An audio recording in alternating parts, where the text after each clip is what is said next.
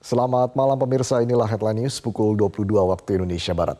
Surat suara Pilpres dalam simulasi pemungutan suara di daerah hanya memuat dua kolom pasangan calon presiden dan calon wakil presiden. Pengamat politik Ray Rangkuti menyebut hal ini mutlak kesalahan KPU pusat, bukan KPU daerah.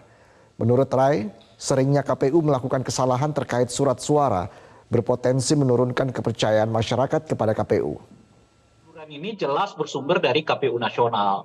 Ya, KPU nasional yang tidak korektif, KPU nasional yang benar-benar tidak melihat apa eh, mungkin eh, seperti tidak ada proses misalnya check and recheck terhadap semua barang, bahan atau alat yang akan disebarkan ke daerah gitu ya, dan seterusnya seterusnya itu gitu ya. Itu yang mengakibatkan ya tentu saja KPU KPU daerah itu tidak bisa dipersalahkan. Ini mutlak menurut saya kewenangan dan oleh karena itu tanggung jawab eh, KPU nasional gitu. Dan ini kan bukan kali pertama ya eh, masalah-masalah yang seperti ini terjadi dan selalu tidak ada upaya untuk menjelaskannya kepada publik apa sebetulnya yang terjadi di internal KPU.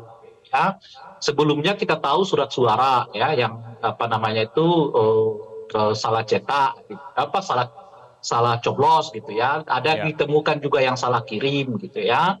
Lalu sebelumnya ada uh, dan sekarang masih tetap dipersoalkan oleh orang terkait dengan uh, PKPU yang ditetapkan uh, justru uh, setelah ada uh, penetapan atau setelah ada penerimaan paslon begitu. Jadi ada dua PKPU yang berbeda gitu. Jadi kalau berkali-kali seperti ini disebut selalu human error, human error dan tidak ada upaya untuk melakukan koreksi ke dalam, ya misalnya untuk me- me- menyelidikinya apa sebetulnya yang terjadi, ya itu tadi eh, rentetan peristiwa ini dapat saja mengakibatkan ketidakpercayaan publik terhadap Jelajahi cara baru mendapatkan informasi. Download Metro TV Extend sekarang.